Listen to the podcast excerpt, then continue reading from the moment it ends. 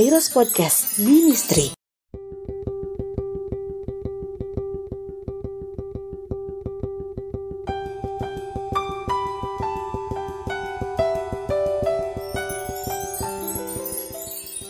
Sahabat yang dikasihi Tuhan Yesus Kristus, senang sekali dapat menemani Anda dalam Kairos Podcast Ministry. Pembacaan firman kali ini terambil dari Filemon 1 ayat 8 sampai dengan 22. Filemon 1 ayat 8 sampai dengan 22. Surat Filemon adalah persekutuan penuh dalam kasih Kristus, hubungan yang diubahkan oleh pengampunan dan rekonsiliasi. Surat ini berisi tentang permohonan Paulus demi budak Filemon, Onesimus yang telah meninggalkan tuannya.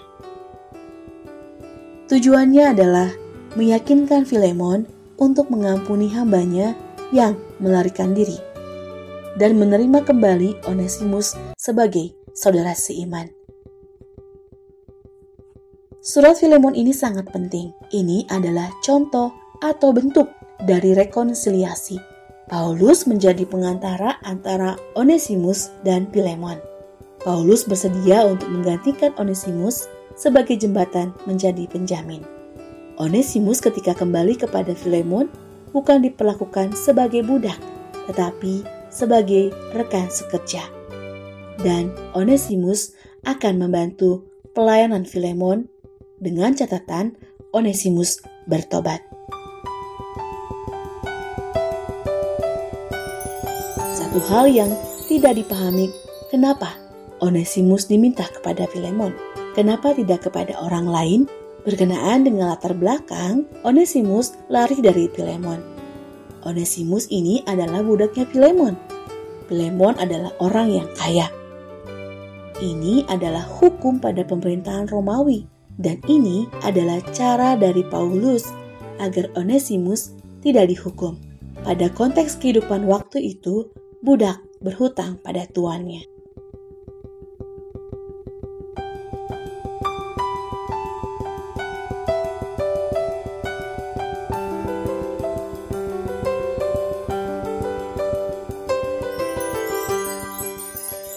Sahabat yang dikasihi Yesus Kristus, perikop ini mengajarkan kepada kita bahwa jika kita sebagai pemimpin gereja, ketika ada jemaat yang berselisih paham atau bersih tegang, pemimpin jemaat harus menjadi pihak yang mendamaikan.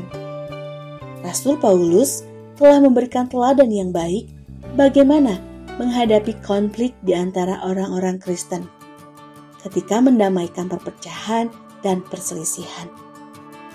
Kepercayaan harus dibangun kembali di antara pihak-pihak yang berselisih.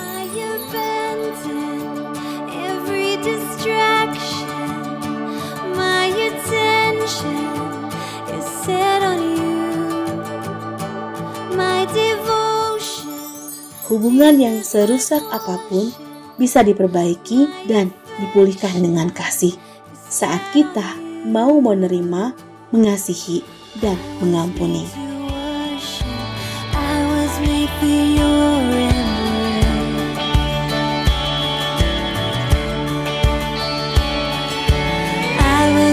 to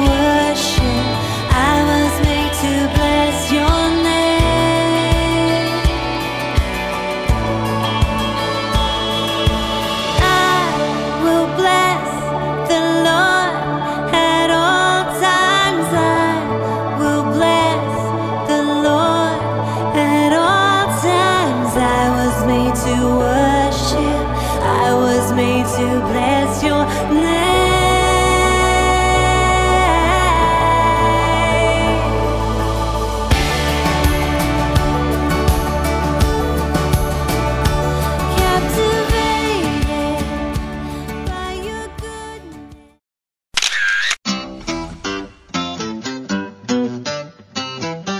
Terima kasih Anda telah mendengarkan Kairos Podcast Ministry. Tuhan Yesus memberkati.